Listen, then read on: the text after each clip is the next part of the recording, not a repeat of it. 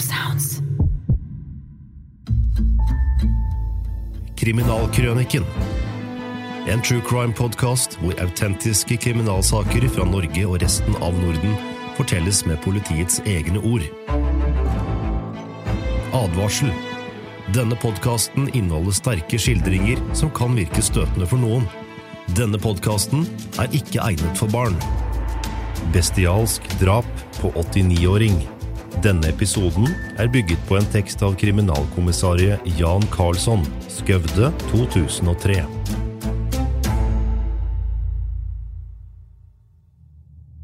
Du kjenner sikkert følelsen. Den du får når den du ringer til ikke tar telefonen, og heller ikke ringer deg tilbake. Denne snikende nervøsiteten som knytter seg i magen.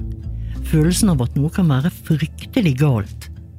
Det var nettopp det hun følte, søsteren til svenske Nils, da han ikke svarte på telefonen.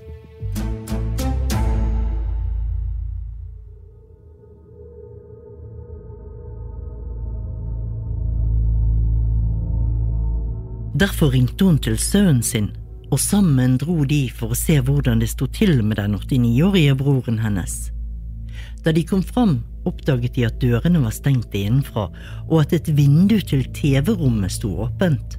Søsteren hadde nøkkel til ytterdøren, men den lot seg likevel ikke åpne. De skjønte at Nils måtte ha stengt døren med en sikkerhetslås på innsiden. Til slutt brøt søstersønnen seg inn gjennom en kjellerdør, og derfra kunne han følge en trapp som går opp til entreen. Synet som møtte ham der, var uhyggelig. Man kunne ikke se at det var Nils som lå der, men nevøen så nok til å forstå at onkel hans var blitt drept på en usedvanlig rå måte. Politiet kom til stedet og sperret av hele huset.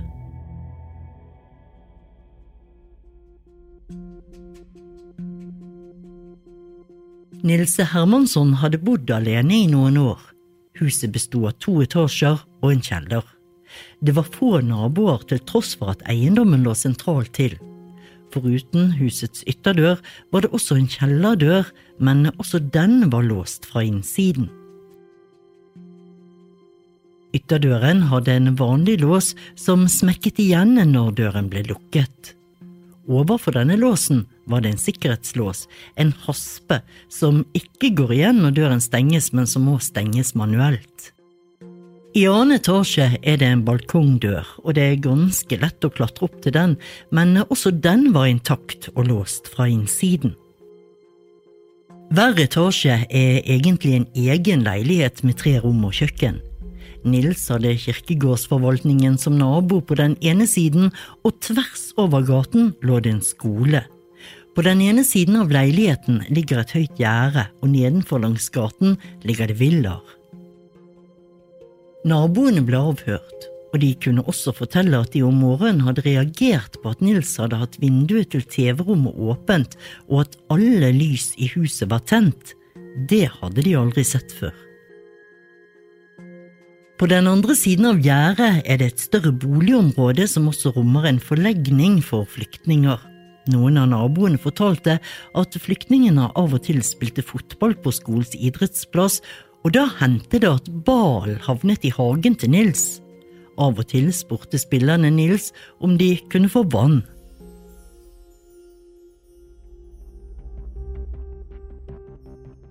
Nils virket å være en ensom og snill bestefar. Fordi han var så gammel var de fleste av vennene hans døde, og omgangskretsen hans begrenset seg til søsteren og noen venninner som han av og til kjørte til forskjellige tilstelninger. Det var derfor ingen grunn til å tro at løsningen var å finne i kretsen rundt Nils selv. Siden man ikke visste hvordan gjerningsmannen eller gjerningsmennene hadde kommet seg inn, jobbet teknikerne ekstra forsiktig for ikke å ødelegge noen spor. Det tok dem over ett døgn å komme så langt at de kunne besiktige kroppen og området nær den. Nils Hermansson lå på ryggen mellom entreen og kjøkkenet. Fem morakniver var stukket inn i brystet og i magen. Både teknikerne og etterforskerne mente at knivene var blitt stukket inn i kroppen etter at døden hadde inntrådt. Over ansiktet og halsen var det helt ut mel, matolje og andre husholdningsprodukter. Gjennom melet kunne en se at en kniv satt i den ene øyehulen. Til høyre for kroppen var det en større ansamling av blod. Det kunne tyde på at Nils i første fase hadde ligget på magen, og det forsterket teorien om at knivene var stukket inn i kroppen etter at døden var inntrådt. På veggene var det mye blod som vitnet om kraftig vold. Ved siden av kroppen lå også fragmenter av hjerneskallen, så det var grunn til å tro at Nils var drept av grov vold mot bakhodet. Den ene armen lå i en spesiell vinkel, og hånden var stukket ned i jakkelommen. Det tydet på at volden var kommet overrumplende, og at denne gamle mannen hadde vært totalt uforberedt. Nils var fullt påkledd, og sengen var redd opp. Man antok derfor at forbrytelsen hadde skjedd mandag kveld, før Nils skulle gå til sengs. Nils lå noen meter innenfor entredøren. Alt tydet på at han selv hadde åpnet døren for gjerningsmannen, men fordi overfallet hadde skjedd så nær døren, var det uklart hvorfor den var lukket med sikkerhetslåsen på innsiden. Dersom Nils hadde fått et tilfeldig besøk, så ville han jo neppe ha satt på denne igjen.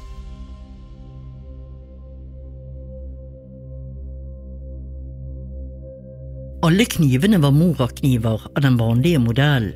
Det var grunn til å tro at det var Nils egne kniver. På en benk like innenfor kjøkkendøren lå det verktøy, spiker og skruer, så knivene kunne ha hørt med til dette utstyret.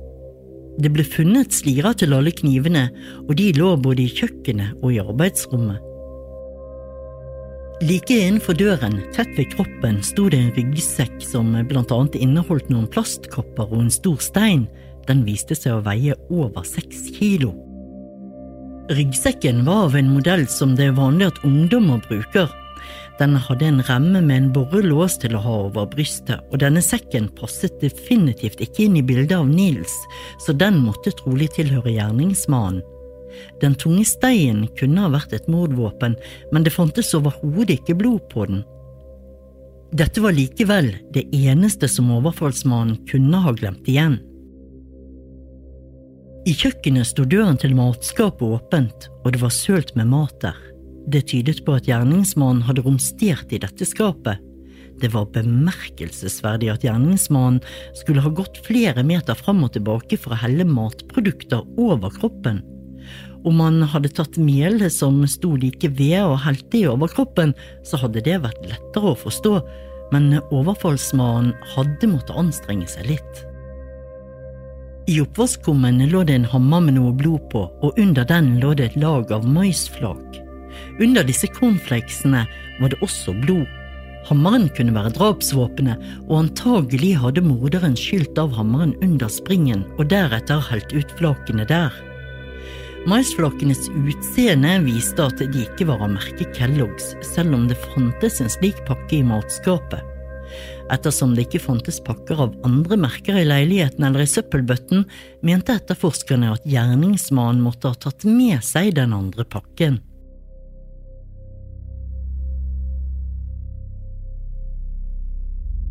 Innenfor kjøkkenet ligger leilighetens TV-rom, og det var gjennom vinduet i dette rommet at gjerningsmannen hadde flyktet.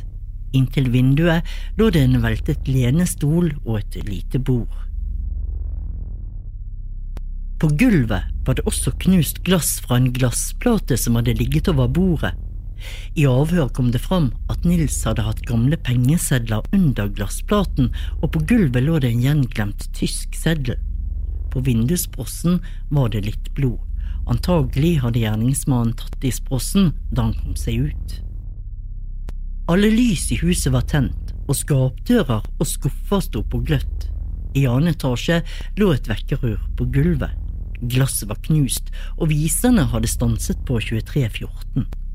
Ellers var det ryddig og ordentlig i leiligheten.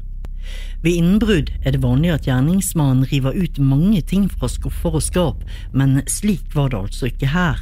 Det så derfor ikke ut til at tyveri eller ran hadde vært det primære motivet. Nils Hermanssons kropp ble fraktet til Det instituttet i Gøteborg for obduksjon.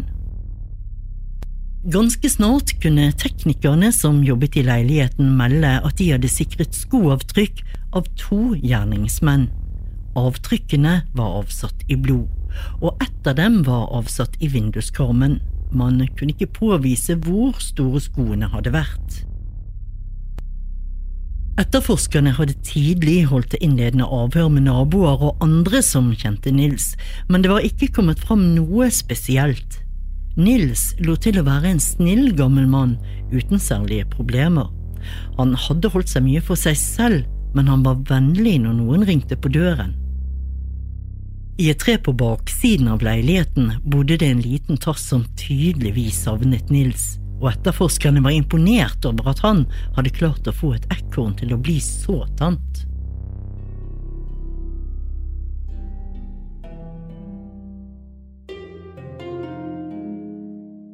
Hele situasjonen var svært forvirrende.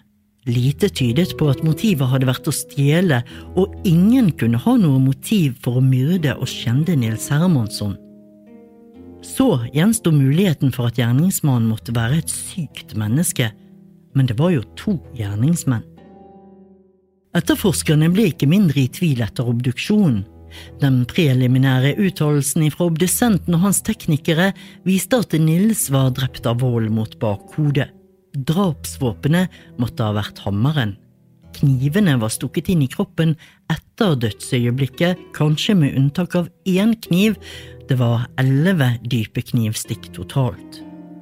Noe som virket ufattelig, var at offerets ene øye var skåret ut, og det var borte. På neseryggen var det skader som viste at gjerningsmannen hadde anstrengt seg for å få ut øyet. Rikskriminalpolisens gruppe for gjerningsmannsprofiler ble kontaktet med oppfordring om at det ble søkt i forskjellige databaser etter andre forbrytelser med lignende mønster, men det var ikke napp noe sted.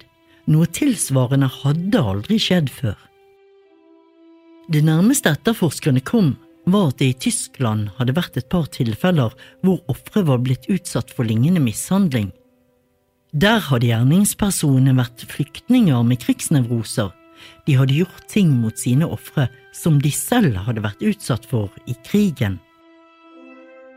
Mishandlingen av gamle Nils tydet på at det var utslag av et vilt raseri men dette kunne ikke skyldes Nils som person.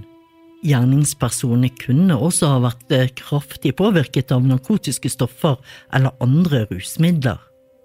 Men eh, mest nærliggende var selvsagt at udåden var utført av en psykisk syk person. Men kunne det være to psykisk syke på samme sted?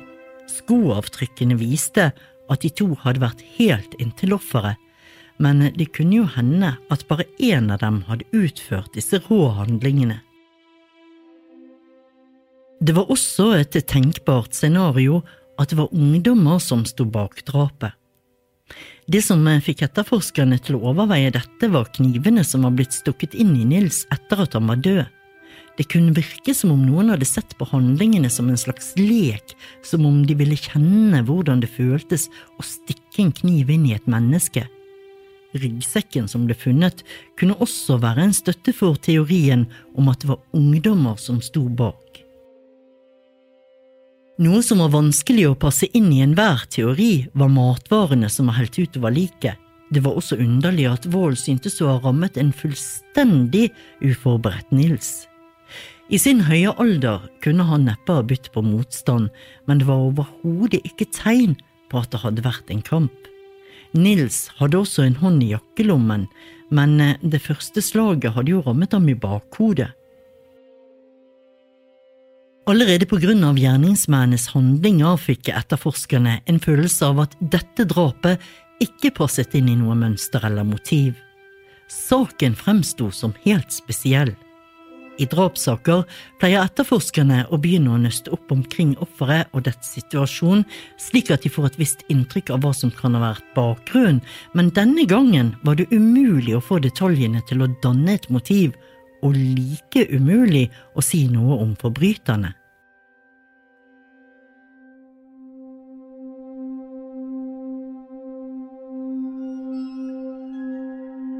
Neste dag var etterforskningsgruppen etablert, og en hadde fått akutt hjelp av politimenn og mer varig bistand av spanere fra andre politikammer. Spaningsstyrken varierte av EU-toppmøtet i Gøteborg og feriene som snart skulle bli avviklet. Det ble derfor bestemt at bare en meget liten krets skulle få kjennskap til dette med det forsvunne øyet. Det var ingen grunn til at alle som var involvert i saken skulle vite om øyet. Dette vedtaket skulle senere vise seg å bli meget verdifullt.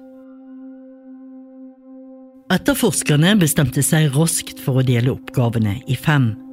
Én allmenn del og fullføre avhøret av alle som kjente Nils og naboene kartlegge hva han hadde vært opptatt av mandag, og følge opp alle tips som kom inn, og kartlegge telefontrafikken til Nils. To. Kartlegge de personene i flyktningforlegningen som pleide å spille fotball nær boligen til Nils. Tre. Kartlegge tenkelige gjerningsmenn ut fra voldsmennenes handlingsmønster. Fire. Ta kontakt med folk som hadde innsikt i misbrukermiljøet i distriktet, og fem kontakte skoler og sosiale myndigheter i Tørreboda.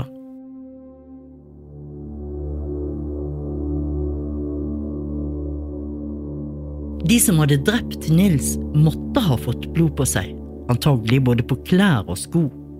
Etterforskerne gikk derfor ut i massemediene med denne opplysningen. Publikum ble bedt om å rapportere til politiet om de hadde sett blodflekker på mistenkelige personer. Etter første uken var den allmenne del av arbeidet i prinsippet klart, og det forelå ingen spesielle opplysninger. Noen ganger så er det jo sånn at det kan gå rykter om at enslige gamle har mange penger hjemme hos seg, men dette var altså ikke tilfellet med Nils. Politiet hadde også fått bra kontakt med spaning i misbrukermiljøet, og hos alle som ble oppsøkt, opplevde de en ekte avsky for det som hadde hendt. Etterforskerne opplevde en ærlig vilje til å hjelpe politiet så mye som mulig. En aksjon for å sjekke dem som spilte fotball ble planlagt for neste uke.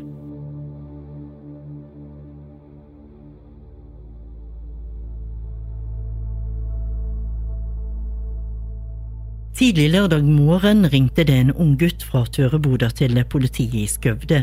Innledningsvis ville han ikke oppgi navnet sitt, men han fortalte at han kveld før hadde truffet to gutter, Daniel Ottersten og Jimmy Svensson, begge 16 år gamle. De to guttene hadde fortalt at det var de som hadde myrdet Nils. Innringeren hadde ikke trodd på det de sa, men han hadde blitt med dem hjem til Daniel, og der hadde han fått se noe i en konvolutt og guttene hadde påstått at det var Nils Hermanssons ene øye. Vitnet hadde ikke sett at det var et øye, men han hadde oppfattet at det var noe skikkelig ekkelt i konvolutten. Han hadde også sett at på den ene guttens jakke var det noen flekker som så ut til å være blod. De to guttene hadde sagt at de hadde fått kick av å drepe, og de tenkte også på å drepe igjen på lørdag, det skulle skje ved en navngitt kiosk eller skole i Tørreboda. Da etterforskerne like etterpå fikk kontakt med vitnet, innrømmet han at han hadde løyet i telefonen. Det var ikke han som hadde sett øyet, men en kamerat av han. Og når han løy, så var det fordi han var redd for at politiet ikke skulle tro ham. Det riktige vitnet var det ikke mulig å få tak i på stedet, men opplysningene var selvsagt svært interessante. På dette tidspunkt var det bare åtte personer, inkludert rettsmedisineren, som kjente til at Nils Hermanssons ene øye var borte, og av den grunn var opplysningene så sterke at man kunne beslutte å gå til anholdelse og husransaking. Opplysningen om at guttene planla å gjøre noe lignende samme dagen, ble selvsagt tatt alvorlig. Det ville jo vært galskap av dem, men politiet hadde sett deres vanvidd i drapet på Nils. De politifolkene som var tilgjengelige, ble disponert slik at tre skulle spane på Jimmy Svenssons bolig, mens andre gikk til aksjon mot Daniel Ottersten, og øyet skulle være hos ham. Hos Ottersten var ingen hjemme, men før politiet hadde fått ordnet med en nøkkel, kom begge guttene ut fra Jimmy Svenssons hus og ble pågrepet der. Ved ransaking i guttenes respektive boliger ble det funnet en rekke gjenstander, blant annet den konvolutten som inneholdt det som en gang hadde vært Nils Hermanssons ene øye, og det ble også funnet klær med blodflekker og mindre verdifulle saker som var stjålet fra Nils.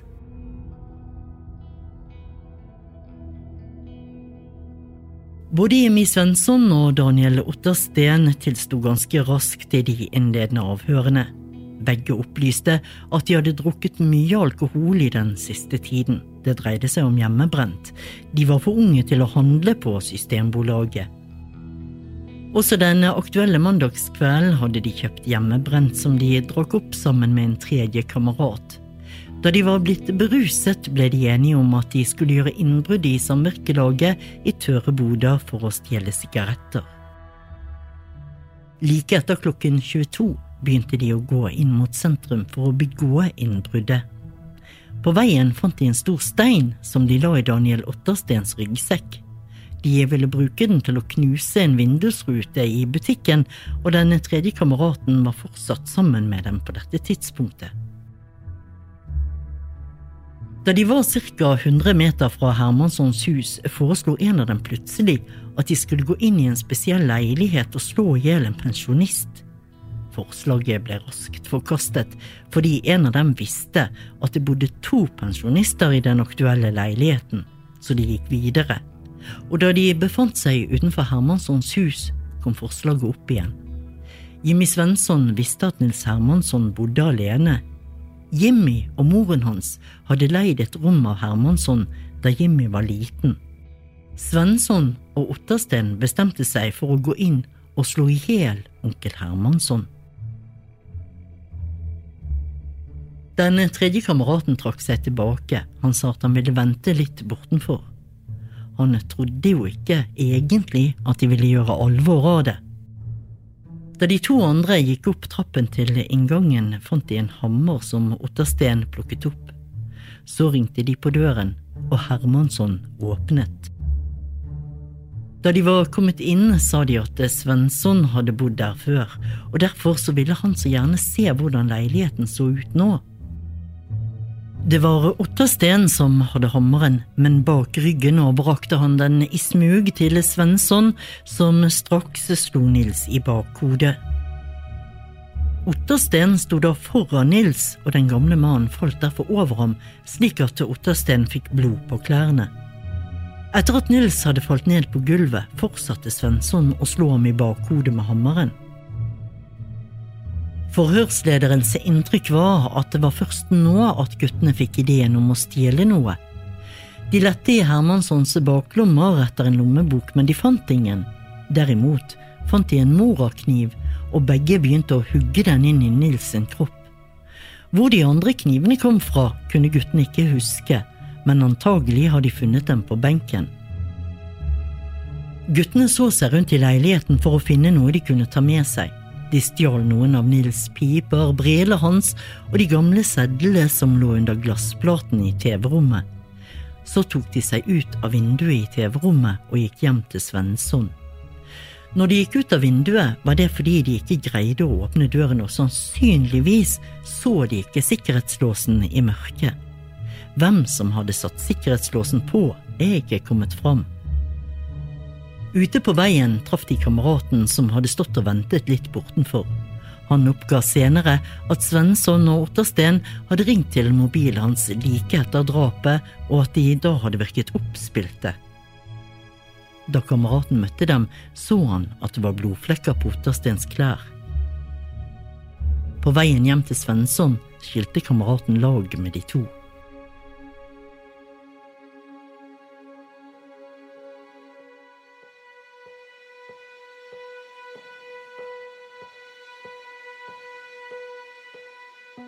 Da de to hadde summert opp hva de hadde gjort, fikk de plutselig en ny idé. De fikk for seg at de skulle gå tilbake til Nils Hermansson og skjære ut det ene øyet hans. Ingen av dem kunne gi noen rimelig forklaring på hvorfor de kunne komme på noe slikt. De tok med seg en kniv og en gaffel og gikk tilbake til leiligheten, hvor de tok seg inn gjennom vinduet i TV-rommet igjen. De hadde da vært borte i omtrent en halvtime. Det var Jimmy Svensson som med kniv og gaffel skar ut det høyre øyet, mens Ottersten så på. Øyet ble lagt i en serviett og siden stappet ned i en bukselomme. Nå lette de etter noe mer å stjele, og trolig var det på dette stadium at de helte matvarene over Nils. I matskapet oppbevarte nemlig Nils noen flasker alkohol som guttene tok med seg, og at de helte matvarene over liket, skyldtes antagelig at de måtte ha noe å bære tyvegodset i. Flaskene bar de sannsynligvis i tomme melposer og konfleksposer. Til slutt forlot de leiligheten gjennom vinduet i TV-rommet.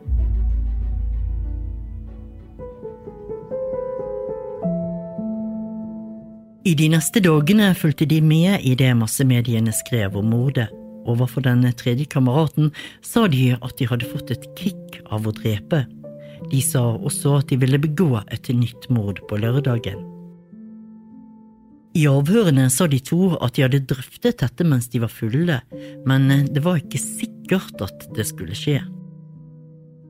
Planen var likevel kommet så langt at de var enige om at drapet skulle skje på en gangsti i et skogsområde, og denne gangen var det Ottersten som skulle slå til. Det kom også fram at de hadde drøftet det planlagte mordet lørdag formiddag, da de var edru. Da de ble pågrepet, var de på vei ut for å kjøpe hjemmebrent. Etterforskningen mot guttene omfattet også et drapsforsøk mot Jimmy Svenssons kjæreste. De hadde fortalt henne hva de hadde gjort, og så hadde de sittet og hvisket sammen en stund. Deretter hadde Jimmy tatt strupetak på kjæresten, men hun greide å skrike, og det hadde fått Jimmys mor til å reagere. Ottersten sa i avhør at de hadde sagt at det hele var en spøk, men han selv hadde ikke oppfattet det slik. Når han hadde ment at det var Jimmys alvor, var det også på grunn av det de to hadde hvisket om før Jimmy tok strupetak på jenten.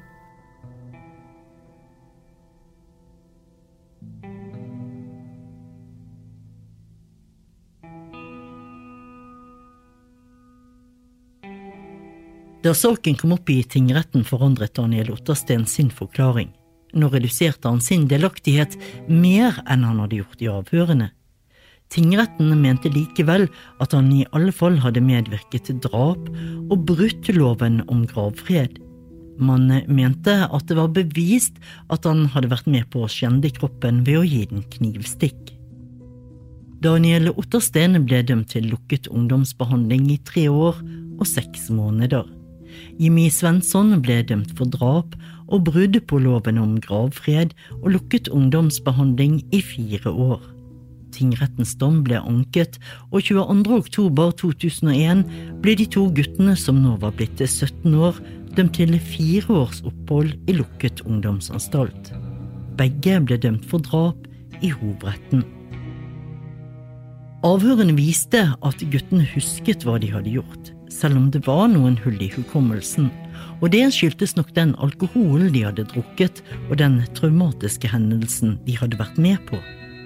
De to var for unge og uerfarne til å takle en avhørssituasjon, og etterforskerne måtte legge opp avhørene etter det. Noe klart motiv har ikke kommet frem, men guttene hadde ikke noe imot Nils som person. Det eneste de hadde sagt, er at de gikk inn i leiligheten for å slå i hjel onkel Hermansson. På dette tidspunktet hadde de ikke noen tanker om å stjele. I et forsøk på å forklare handlingene deres nevnte guttene en videofilm, og da etterforskerne kontrollerte den, viste det seg at den inneholdt ganske mye vold. Den inneholdt også en scene hvor et menneskeøye ligger på gulvet. Øyet tilhørte en av to personer som var blitt drept i hjemmet sitt. Noe som også er støtende ved filmen, er de følelsene seeren får overfor hovedpersonen. Han er egentlig en sympatisk ung mann, men han er rammet av en slags forbannelse. Han begår en rekke fæle handlinger uten at han egentlig kan noe for det. Man kan ikke forvente at de to 16-åringene skal kunne forklare hvorfor de handlet som de gjorde. Et sånt handlingsforløp lar seg ikke forklare på en rimelig eller forståelig måte. Selvsagt er det mange tilfeldigheter og kombinasjoner som må stemme for at noe sånt som dette skal kunne skje. Begge guttene kommer fra splittede familier med flere barn, og begge bodde hos sine mødre. Begge mødrene hadde tidligere søkt hjelp hos myndighetene for guttenes alkoholbruk, men noe hjelp hadde de ikke fått. I Sverige finnes det lover og bestemmelser som skulle gjøre det umulig for 16-åringer å få tak i sprit. Likevel er det, som vi alle vet, lett for både ungdommer og voksne å få tak i hjemmebrent. Og hvilken kontroll har vi med hva ungdommer ser på av filmer? Filmene plantet ideer i seerens hode, scenarioer de aldri ville ha kommet på av seg selv. Kan noen forestille seg at guttene selv skulle komme på tanken på å gå tilbake til åstedet og skjære ut den myrdedes øye dersom de ikke nylig hadde sett det på denne filmen? Noen alarmklokker burde nok ha ringt lenge før Jimmy Svensson og Daniel Ottersten ringte på døren hos Nils Hermansson. Du har hørt Bestialsk drap på 89-åring. Forteller var Marianne Moe. Produsenter var Troy Langås og Marianne Moe. Podkasten er produsert av Metro Sounds.